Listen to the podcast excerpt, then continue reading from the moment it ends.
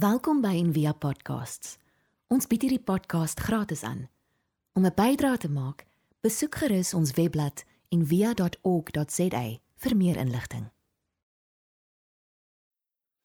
Het jy al gewonder hoekom steek die Here hom weg? Bro, dis nie lekker nie. Hoekom kan ons nie net duidelik sien dat dis wie hy is, hom beskryf, kan weet wat hy doen en hoe hy werk? Hoekom moet dit wees soos 'n spieël en soos 'n raaisel?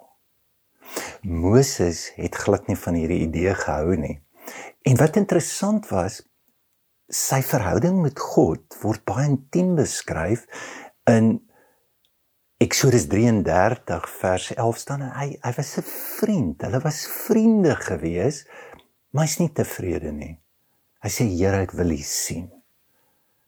En dan sê die Here vir hom, maar jy kan my nie sien in vers 20, want niemand kan bly lewe as hulle my gesien het. Ek dink nie regtig dit wys na 'n letterlik lewe of dood nie, maar ek dink dit wys na 'n manier hoe ons God sien en na God kyk wat vir ons lewe gee of wat vir ons dood maak. Nou, as jy die Bybel lees, net terug na die versteekheid van die Here. Hoekom?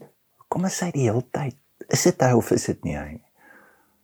Is hy die brambos? Nee, hy nee, hy is in die brambos. Is hy die wolkkolom en die vuurkolom? Hoekom kom hy nie self nie? En dan praat hy van sy plek wat hy voorberei en en en hy wil daar woon en dan kom woon hy daar in die tempel in die ark. Maar kan jy hom sien? Nee, kan nie. En dan kom hierdie hele opbou in die Ou Testament dat dat God gaan hom wys vir ons. En dan wys hy in Jesus wie hy is, maar hoekom hy in 'n vuil krib. Hy word weggesteek in doeke. Dat die godsdienstiges, dat die politici, dat niemand kan God sien nie. Hulle stuur hom na kruis toe. Sien as Paulus hieroor praat dan dan som hy nou dit wat God in Jesus doen so op. En dis in 1 Timoteus 6 vanaf vers 15. Hy die salige, die enigste heerser, die koning van die konings, die Here van die Here, wat alleen onsterflikheid besit en in ontoeganklike lig bewoon. Met ander woorde, jy kan nie daar kom wat geen mens gesien het of kan sien nie, aan wie toe kom eer en ewige krag. Amen.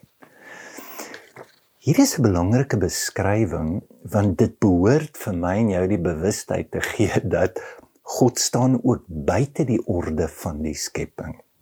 Hy val nie in dieselfde kategorie van die skepping. Hy kan nie hoekom want hy's die enigste. Uh hy is nie die koning nie, hy's die koning van die konings. Hy's nie die Here nie. Hy is die Here van die Here. En dink vir 'n oomblik aan sy versteekheid dat God kan hom nie openbaar as hy nie versteek is nie. En omdat God weggesteek is, kan hy hom aan ons openbaar. En ek dink dit werk so as God te min wys, sal mense hom nooit kry nie. En as hy te veel wys, sal mense moet kies dalk teen hulle wil en hulle vryheid soos wat God die mens respekteer en soos wat God die mens gemaak het. So ons kan sê daar's hierdie paradoks van hy's teenwoordig, maar hy's afwesig. Jy kan sien, jy kan nie sien in teologie, hy's transcendent en immanent. Dis net die twee woorde wat boeke en boeke en boeke oorgeskryf is. En ons is maar soos Moses, ons val eerder terug op ek wil ek ek ek ek ek hou nie van die idee dat ek nie presies weet en kan verstaan want dit laat my uit beheer uit voel. En miskien is dit mense kan dit dalk so vergelyk dat ons hou eerder daarvan om die subjek te wees in soos 'n groot mikroskoop dinge te vat, dit te bestudeer en te sê dis God. Want ons weet nie waar sy nie. Ons weet nie hoe nie.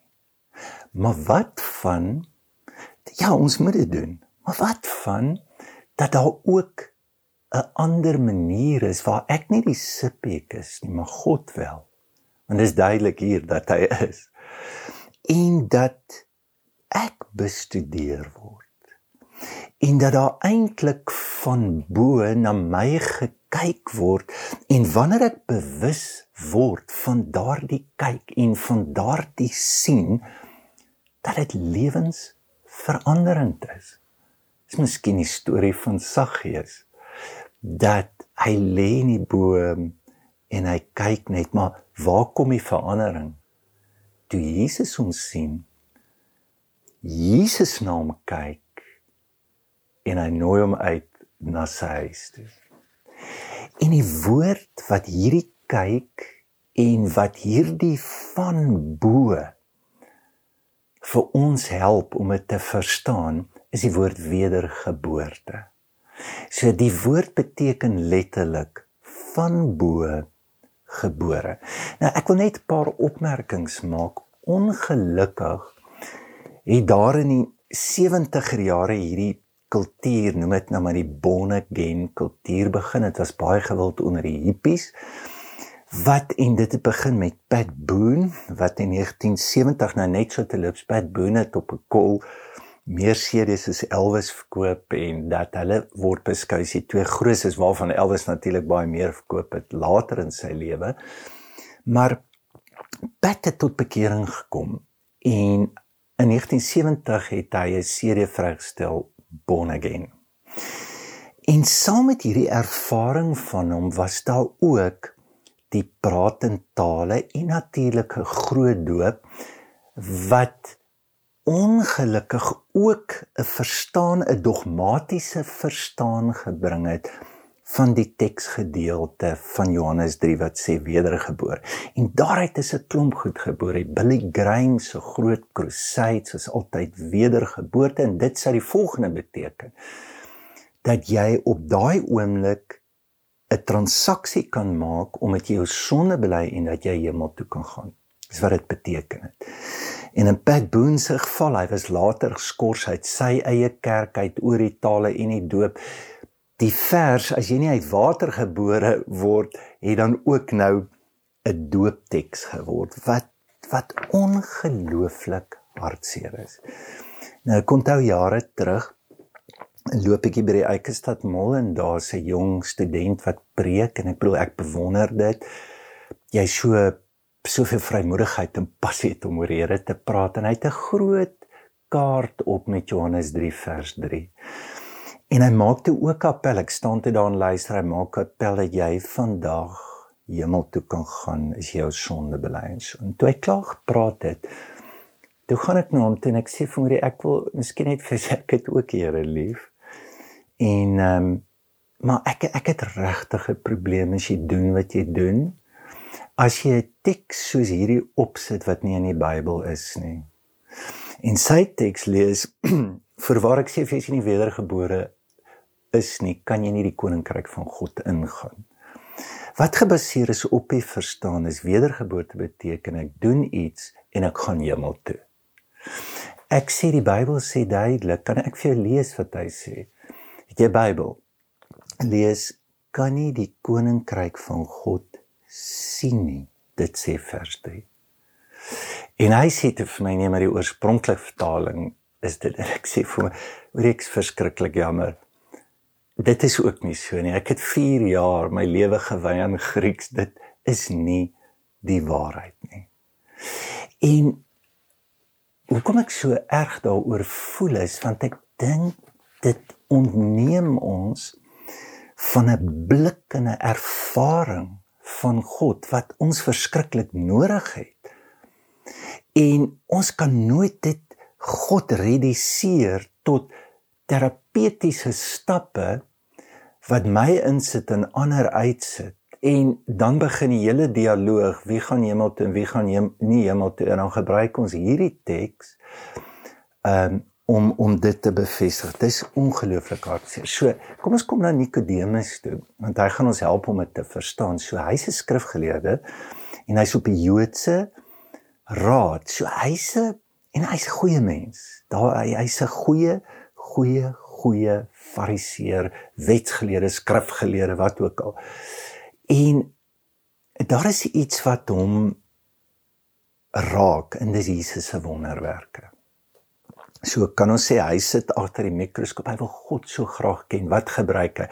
Die wet, die profete. Hy se skryf so hy hy hy het 'n ere doktorsgraad en en en hy probeer hier lief hê. En dan kom hy nog iets by en hy sit die wonderwerke in en hy bestudeer dit en hy sê hier's my gevolgtrekking.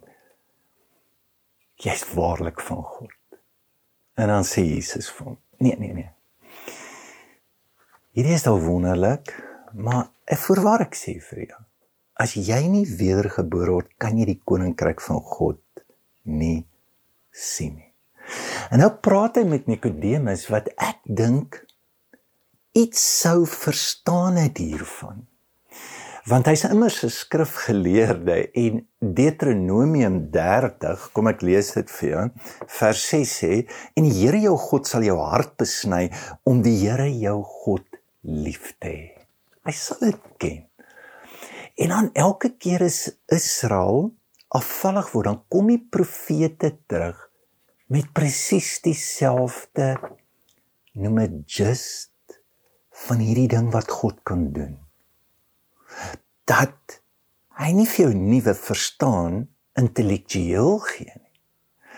Maar 'n hart, so Jesegiel 36 26 sê en ek sal julle 'n nuwe hart gee en 'n nuwe gees gee en ek sal die kliphart uit julle liggaam uithaal en julle hart van vleis gee en ek sal my gees in julle gee en ek sal maak dat julle volgens my voorskrifte leef en my bepalinge gehoorsaam en nakom.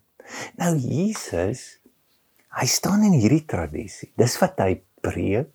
Dis hy hy sê maar weet jy wat jy kan 'n ander hart hê. Jy kan 'n rein hart hê.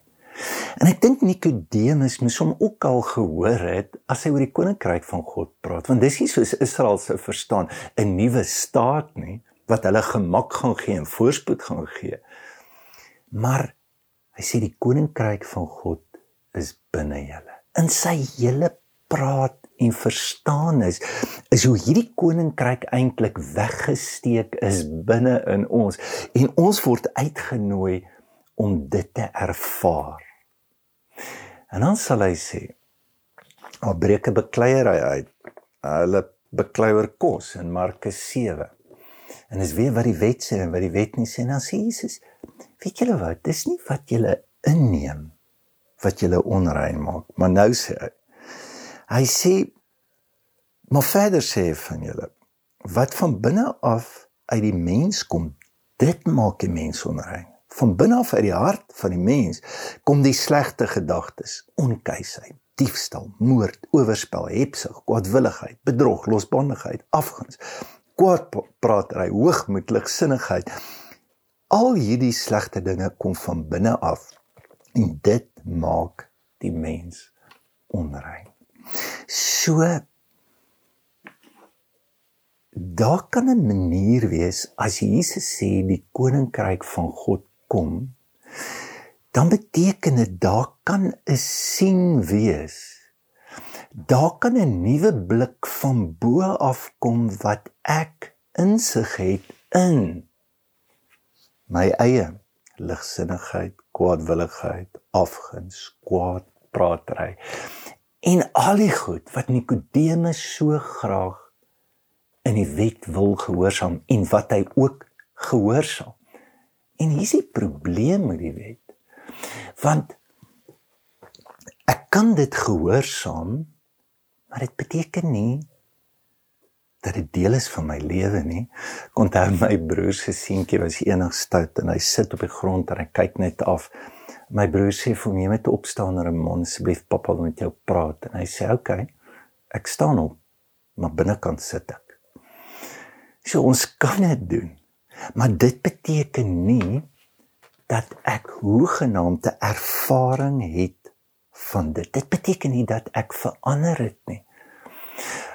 Gebeur baie met bekerings. Ek kry 'n ek word baie siek en ewe skielik begin ek anders te, te lewe wat wonderlik is.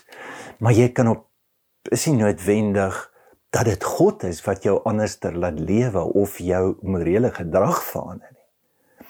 So die blik, die kyk, die verstaan wat Jesus bring is dat jy binne jou eie lewe 'n kyk, 'n sien kan hê van God. En dat dit God is wat dit doen. Paulus vra hierdie vraag in Galasiërs 3. Hy sê hoor ek wil net vir julle vra. Het julle die Gees ontvang omdat julle die wet gehoorsaam het of het julle dit uit die geloof ontvang? Kan kan jy sien? Die wet is fisies en ons word so beïndruk, ons word getrek deur dit wat ons sien en dit net soos Nikodemus en en dit laat jou voel dis God. Nee. Daar's 'n ander lewe. En Jesus nooi vir Nikodemus uit na dit dat daar ervaring in 'n blik en 'n sien van God kan kom in ons lewe wat alles alles in ons lewe verander. En ek dink dis wat vir my so waardevol is wanneer ons oor God praat en ons praat ook oor die versteekheid of net 'n ander woord die misterie Want jy sien as jy iets ontdek het en jy het uitgevind dan dan sit verby. Hier is dit nou. Maar as jy iets ontdek het en dis presies wat misterie beteken, beteken nie jy weet nie, jy verstaan nie. Dis eerder soos die reënboog, jy het iets gesien, maar weet jy wat? Daar is net soveel meer. Wat jy nou inteendeel dit bring die verdieping en verlange na iets baie groters in ons lewe. En hoekom hierdie ervaring so min te doen het met enige iets wat jy gedoen het. Dit is wat aan jou gedoen is. En hoe werk dit? Is versteek. En is beter dat dit versteek is want anderster vat ons God se werk oor. Anderster beheer ons. Anderster gaan ons na die posisie toe wat Paulus in Romeine 7 probeer sê of Romeine 1 en hulle die skepsel gedien en geëer bo ons ons ruil die mikroskoop om. Ons vat die die subjek posisie maar as dit omdraai dan kom daar iets van bo en dis God se kyk God se werking wat ver groter en buite jou verstaan, jou begrip is. En in Jesus se woorde dis 'n wind. Jy kan ook sy geluid hoor. Maar jy weet nie van waar hy kom en waarheen hy gaan nie. En as jy daai werking het, as jy daai ervaring het, dan breek dit die lewe, die verlange oop om net meer van God in jou lewe te wil hê. Ons hoop van harte jy het hierdie podcast geniet of raadsaam gevind. Besoek gerus en via.ok.za vir meer inligting.